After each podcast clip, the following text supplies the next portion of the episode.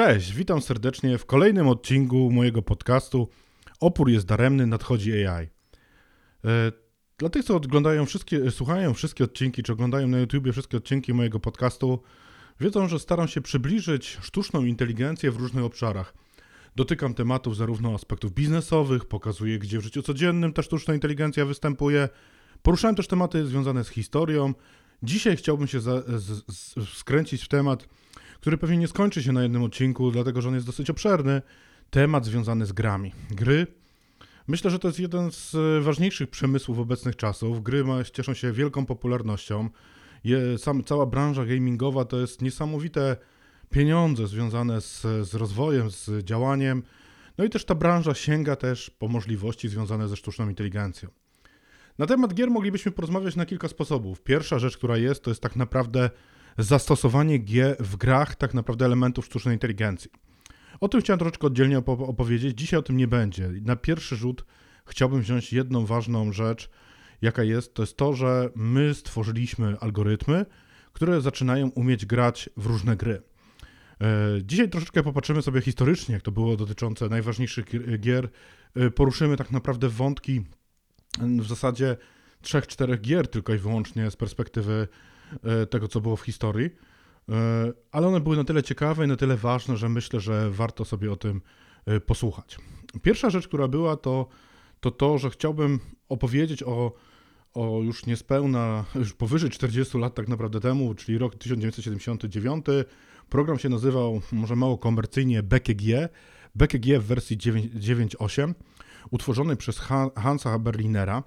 E, był to program, który potrafił grać e, w grę, która się, grę planszową, która się nazywa Tryktykt. E, w, w tamtym czasie mistrzem świata w tą grę był niejaki Luigi Ville. Luigi Ville zgodził się na taki pojedynek, który się odbył oczywiście w znaczącym miejscu, ponieważ w Monte Carlo, w Monte Carlo odbył się wielki pojedynek komputera z mistrzem świata.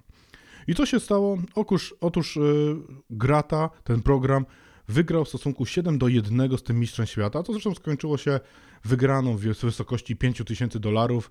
E, i Hans Berliner, który tak naprawdę e, no, z jednej strony się cieszył z tego przedsięwzięcia, że to był taki historyczny moment, gdzie komputer wygrywa z człowiekiem w jakąś grę, e, no, zdawał sobie z tego sprawę i o czym też publicznie mówił, że gra akurat Tryktyk polega na tym, że z jednej strony musimy mieć umiejętności, zdolności gry w jakieś tam reguły, które są realizowane, ale liczy się też element szczęścia. No i trzeba było przyznać, że akurat w ostatnich partiach tej gry miało szczęście e, ten, e, ten program, ten BKG, który, który był za to odpowiedzialny.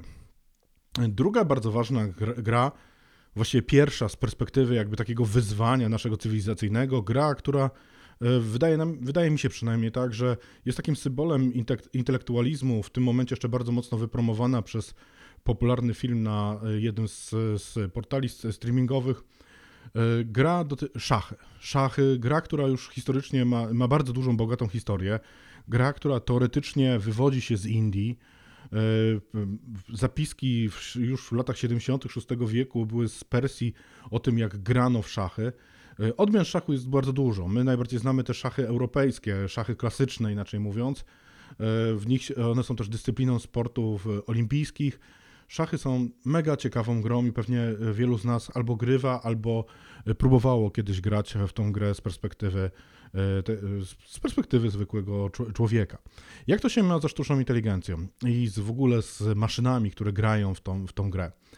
Otóż Kiedyś, dawno myślano o tym, że y, nikt nie wygra, za szybko przynajmniej komputer nie wygra z człowiekiem, a przynajmniej z arcymistrzem. Taką tezę postawił jeden chyba z najbardziej utalentowanych szachistów wszechczasów, y, Gary Kasparow. Gary Kasparow, który już w wieku 22 lat był mistrzem świata, y, to był rok 85, był mistrzem świata tak naprawdę w szachach. To jest człowiek, który rzucił właśnie pod, pod koniec lat pod koniec lat 80., e, chyba to było, czy 90., rzucił taką tezę, że nikt do 2000, do 2000 roku nie wygra, e, żaden komputer nie wygra z arcymistrzem szachy. No i cóż się stało? E, może tylko jeszcze takie tło warto powiedzieć, że Gary Kasparow jest taką postacią, gdzie od momentu wprowadzenia listy FIDE, to jest lista, która Federacja Szachowa Stanów Zjednoczonych czy USCF wprowadziła E, taki ranking. Ranking ten opracował profesor Elo. To jest ranking budowany na zasadzie no, statystyki matematycznej. Warto sobie o tym poczytać, bo bardzo ciekawie jest, polega to, bardzo ciekawie budowany jest ten algorytm rankingowania. Czyli tak naprawdę najpierw się robi ocenę na podstawie historii y, gracza i dwóch graczy startując ze sobą mają wyliczone jakieś wartości prawdopodobieństw, które mają, e, które mogą mieć. I teraz w zależności od tego, kto wygrywa, no to albo wzrasta nam ten ranking, albo maleje. E, bardzo ciekawie cała, cała teoria wymyślona statystyczna, która coś takiego może budować. No i otóż niejaki Gary Kasparow, o którym już tutaj opowiadałem, w roku 1999 E, dostał się na tą listę z ilością 2851 punktów. I uwaga, od 1999 roku do 2014 roku, dopiero w tym 2014 roku Magnus Carlsen pobił jego, jeśli chodzi o ilość punktów właśnie w tej klasyfikacji. Przez te wszystkie lata był pierwszym na, na liście, a, a w tej chwili nadal jest e, drugim, y, uważany jest za najlepszego szachistę wszechczasów. No i ten Gary Kasparow stoczył pojedynek z komputerem. Zanim skoczył pojedynek z, stoczył pojedynek z komputerem, troszeczkę opowiem takie historii. E, Był taki uniwersytet, Carriage Mellon University, e, pewna grupa zdolnych studentów, jak to zawsze bywa. W tym gronie był niejaki Feng, Feng Xiu, e, Xiung Xu, który z zespołem swoich kolegów postanowili założyć projekt Chip Test, projekt, którego celem było zbudowanie właśnie algorytmu, który będzie przeszukiwać zbiór różnych gier, żeby grać w szachy. Jak już tutaj zdradziłem, wymyślono pewną koncepcję, y, na czym ona miała polegać, jeśli chodzi o, e, o granie. Otóż na podstawie bazy tak naprawdę różnych gier wyliczano, czyli przeszukiwano rozwiązanie, które jest możliwe.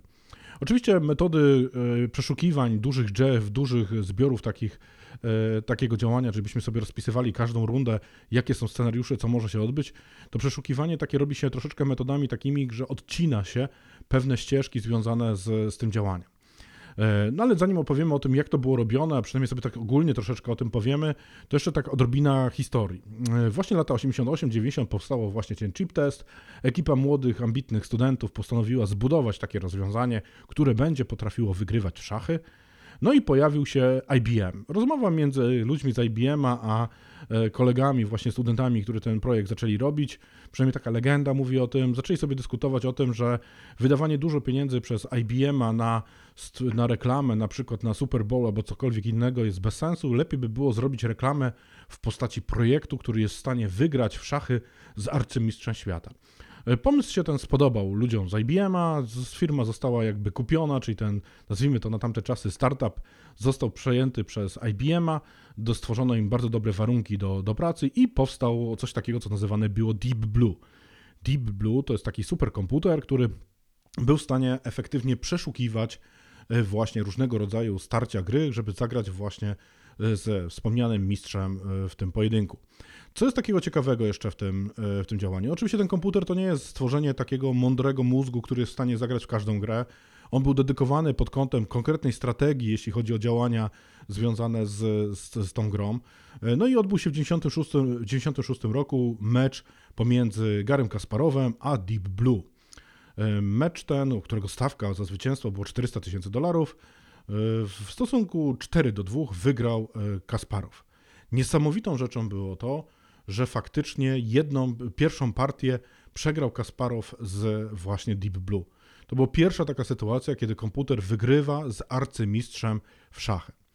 E, no oczywiście mm, przez rok bardzo intensywna praca całej ekipy Deep Blue, e, pracowano nad tym, e, zaczęto też angażować troszeczkę więcej osób, bo między innymi na podstawie analizy gier arcymistrzów pomógł też to wykonywać Joel Benjamin, jeden z też z arcymistrzów szachowych amerykańskich, E, inni arcymistrzowie zatrudnieni do tego projektu, między innymi Miguel Cordoba, John Fedorowicz czy Nick de Firmian.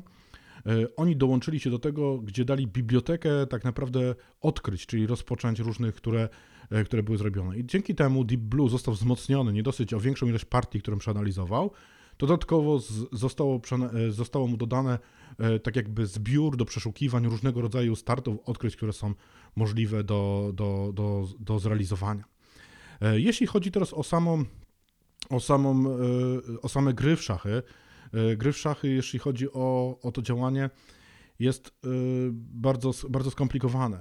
Jeśli chodzi o podejście, to tak naprawdę chodziło o to, że wprowadza się pewnego rodzaju, y, znaczy idea może tego komputera Deep Blue była taka, że wprowadzono pewnego rodzaju parametry. Parametry polegały na tym, że na przykład podane było, że y, król nie mógł być tam w centrum planszy, czy cokolwiek innego, tego typu jakieś zasady, które były zrealizowane, a reszta była wyliczona na podstawie różnych gier arcymistrzów. I teraz kolejną rzecz, którą zrobiono właśnie w tej kolejnej iteracji tego Deep Blue, roboczo nazywali się w ogóle to Deeper Blue, przeszło do historii tak naprawdę tylko Deep Blue, było to, że te parametry tak naprawdę na podstawie tej dużej historii tych meczy wyliczył sobie sam ten komputer, tak? Czyli ten superkomputer wyliczył sobie sam te rzeczy związane e, z, z, z tym działaniem.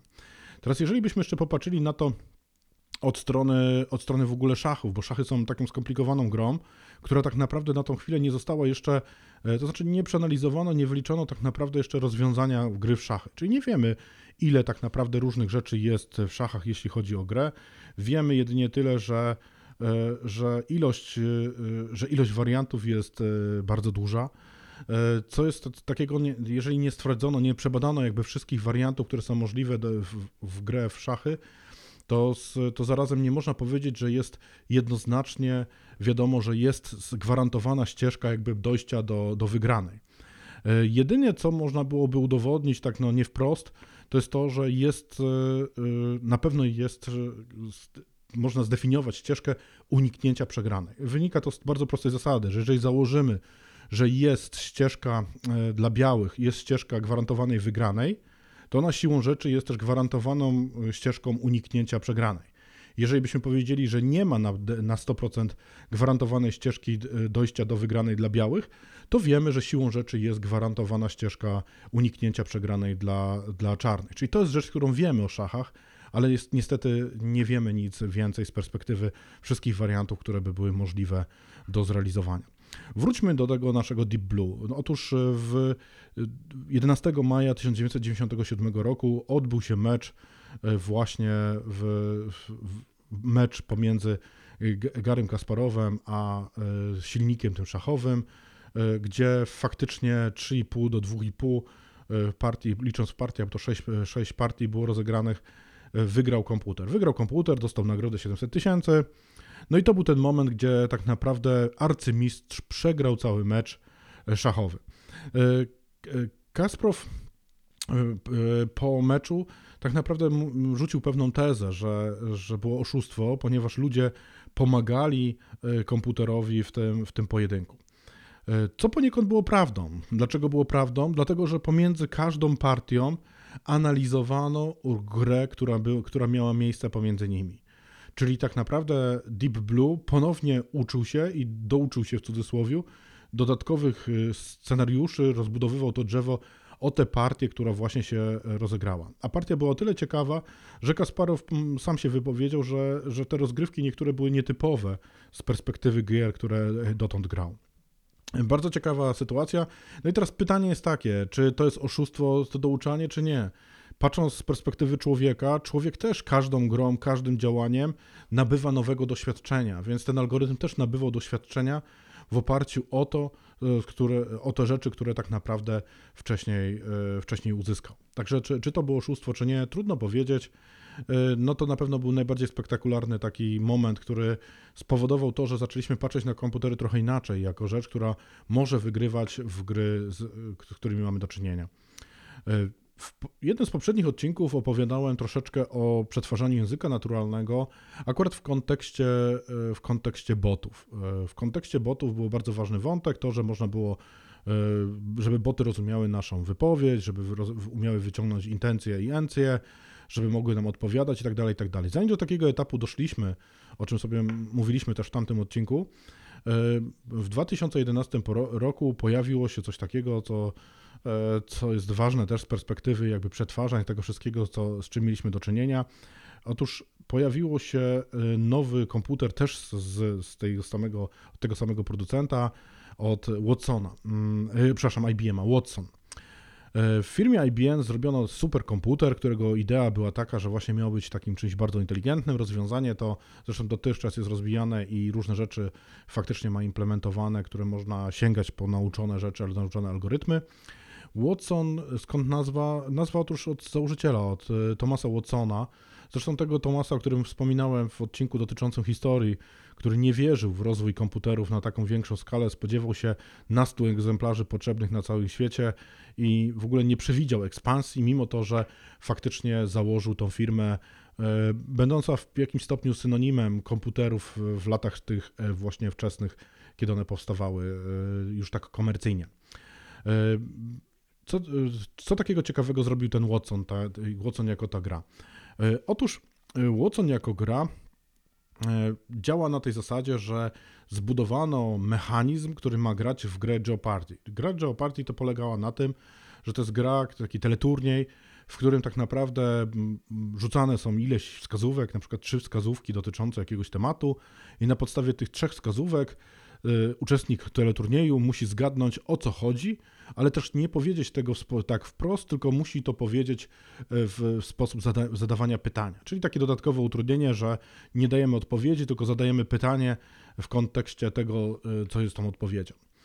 No i to nie jest taka trywialna gra, ponieważ nie dosyć, że trzeba zrozumieć jakby kontekst wypowiedzi, to jeszcze trzeba umieć do tego zadać pytanie. E, trzeba z trzech różnych wskazówek tak naprawdę wyciągnąć sens i powiązać, która z tych wypowiedzi jest wspólna. No i to nie jest takie, takie trywialne, szczególnie dla e, maszyny, która miałaby tą czynność wykonać. E, ograniczenia były na tamte czasy dosyć duże. Nie, były to, nie był to okres taki, gdzie mogliśmy analizować dźwięk jak, jako istniejący dźwięk, dodatkowo utrudnieniem było takim, że tak naprawdę w tej gry Jeopardy e, ważny jest też refleks, czyli to, że ktoś nadusza na przycisk i przez to może odpowiedzieć na pytanie, czyli ściga się tak naprawdę z, z konkurencją. No i tak pierwsze podejście w ogóle zagrania Watsona w Jeopardy polegało na tym, że, że e, ten przycisk nie był mechanicznym przyciskiem i czymś takim, tylko, tylko po prostu tekstem, którym on rzucał odpowiedzi. Zostało to zmienione i w tej rozgrywce takiej właściwej z dwoma mistrzami e, właśnie Jeopardy, Kenem Jenningsem i Bradem Ruterem e, odbył się pojedynek tego Watsona właśnie w siedzibie zresztą IBM-a, odcięto od internetu, Watson gra z tymi dwoma graczami. E, co ciekawe jest, to, są, to jest dwóch takich najbardziej znanych mistrzów, jeśli chodzi o to działanie. Co ciekawe, w pojedynku tym takim finalnym e, dysproporcja była bardzo duża już e, odpowiedzi mistrzów versus komputer. Faktycznie mistrzowie stwierdzili, że odczuwają to, że nadeszły nowe czasy, czasy komputerów. I to, jest tak, to był taki też znaczący moment z perspektywy tego działania. Nie było to takie łatwe zbudowanie tego mechanizmu tak naprawdę przetwarzania tych, tych zapytań. Zapytania przychodziły w, w postaci tekstu, w postaci tekstu zwracał odpowiedzi e, ten Watson. Co też jest ciekawe, że w jednym z odcinków, e, nie pamiętam czy to był już ten finałowy, czy ten e, wcześniejszej rozgrywce, której była, ten Watson, jeden z pomyłek, którą wykonał, bo też oczywiście mylił się w, w tych wypowiedziach, jedną z pomyłek, którą wykonał, to była dosyć zabawna, ponieważ w pierwszej, w pierwszy się zgłosił Jennings do odpowiedzi. Jennings powiedział błędną odpowiedź, a co ciekawe, e, ten e, Watson powtórzył tą odpowiedź, jak przyszła na niego kolej. No było to spowodowane tym, że tak naprawdę algorytm nie obejmował analizy odpowiedzi konkurentów, więc tak naprawdę znalazł w zbiorze swoich odpowiedzi dokładnie taką samą odpowiedź, którą, którą powiedział przed chwilą e, ten mistrz świata. Jak działał, jak działał ten, ten algorytm? Oczywiście to, to są tak naprawdę podwaliny dziesiątek lat e, związanych z, z, analizą naturalnego przetwarzania języka, z różnego rodzaju pracą lingwistów e, i ludzi zajmujących się semantyką i różnymi rzeczami. E, wykorzystanie w idea była mniej więcej taka, jakbyśmy mogli tak patrzeć na dużych klockach, pojawiła, pojawiała się wskazówka, następnie następowała analiza pytań do tej wskazówki, w wyniku analizy pytań generowane były kandydatury, czyli kandydatury, czyli możliwe rozwiązania, które wchodzą w grę. Jak mieliśmy te, e, te, te rozwiązania, następował proces znowuż analizy tych kandydatur. Jak mieliśmy przeanalizowane te kandydatury, to na podstawie punktacji, które one otrzymały, pojawiał się w dużym skrócie ranking i na podstawie rankingu była trafiona odpowiedź. Oczywiście tutaj zależy też na czasie e, i, i ten czas był takim jakby ważnym elementem też e, z tego przetwarzania. E, troszeczkę to bazuje na koncepcji, na idei, którą rzucił przed laty Cloud Shannon, e, twórca tak naprawdę teorii informacji, przynajmniej tej teorii informacji, którą w tym momencie znamy i tą, e, tą używamy.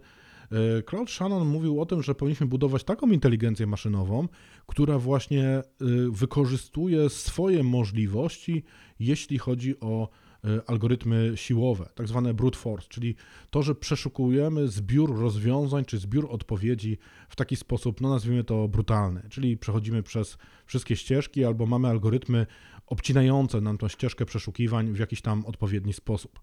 No i z tego też bazowali tak naprawdę autorzy e, Watsona, ponieważ analiza, czego dotyczyły wskazówki, to było jedna z takich pierwszych podstawowych rzeczy. E, autorzy tego algorytmy, twórcy tego algorytmu, tego, tej idei całą, nazwali te, tą, tą fazę zbudowaniem ogniska. Czyli taka część wskazówki, która po, po zamianie tak naprawdę zdania w odpowiedź przekształcała wskazówkę w stwierdzenie faktu. I to była najważniejsza rzecz, że taka czynność się stała. E, w, w ten, te drzewo, znaczy to działało w ten sposób, że następu, następuje takie parsowanie. W, z tego parsowania wyciągane były różne informacje, czyli chodziło o to, że wyciągano informacje, jaki to jest typ pytania, co jest ogniskiem, co jest typem odpowiedzi, jakie są nazwy jednostkowe, relacje, daty. W tej chwili byśmy też powiedzieli, że na przykład wyciągały te encje znajdujące się w, te, w tej wypowiedzi, e, starał się wyszukać intencji i tych kontekstów, w których to było użyte. E, troszeczkę to podobnie działa jak wyszukiwarka Google, czyli bierzemy sobie słowa, te słowa są wyszukiwane, wyszukiwanie takie tekstu i ten generator odpowiedzi, który działał e, w następnym kroku, czyli jak wychwycił już te słowa kluczowe, te elementy, które go interesowały, z nich zbudował sobie te ogniska i typy odpowiedzi, to sięgał właśnie tak jak wyszukiwarka Google'a do zbiorów strukturalnych czy niestrukturalnych, które przechowywały jakby cały zbiór wiedzy. To było coś takiego mniej więcej, jakbyśmy zebrali sobie wielkie tabele, z, z, zasilili jakąś bazę danych wszystkimi informacjami, które znajdują się, nie wiem, w Wikipedii, w takich miejscach i na podstawie tego tak naprawdę zbudowali taki gigantyczny słownik, czy takie wielkie słowniki, w których następuje przeszukiwanie różnych kontekstów. No i tak wyglądało. Najpierw było to parsowanie, rozbicie słów na, na znaczenie, czyli wyszukiwanie rzeczownika, czasowników, e, przymiotników, wszystkich części zdania, wyszukiwanie właśnie wtedy obiektów typu encje, tego typu rzeczy i następnie następowało właśnie generowanie możliwych odpowiedzi.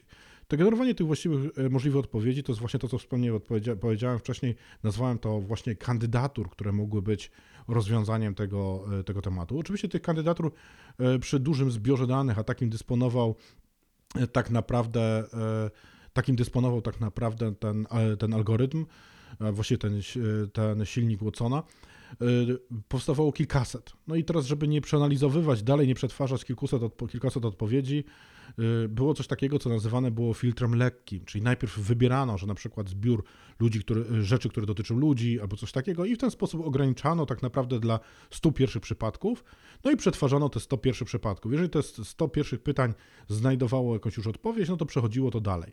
I teraz w zależności od tego, ile tych odpowiedzi było, do każdej, anali- e, do każdej odpowiedzi budowano troszeczkę w odwrotną stronę znowu pytanie i dowód w ten sposób, czy ta odpowiedź do tego pasuje. No i w ten sposób budując następowało punktowanie. W następnej fazie odpowiedzi te były punktowane i po tym punktowaniu powstawał tak naprawdę finalny ranking. No ten finalny ranking tak naprawdę był rozwiązaniem, z którym mieliśmy do czynienia.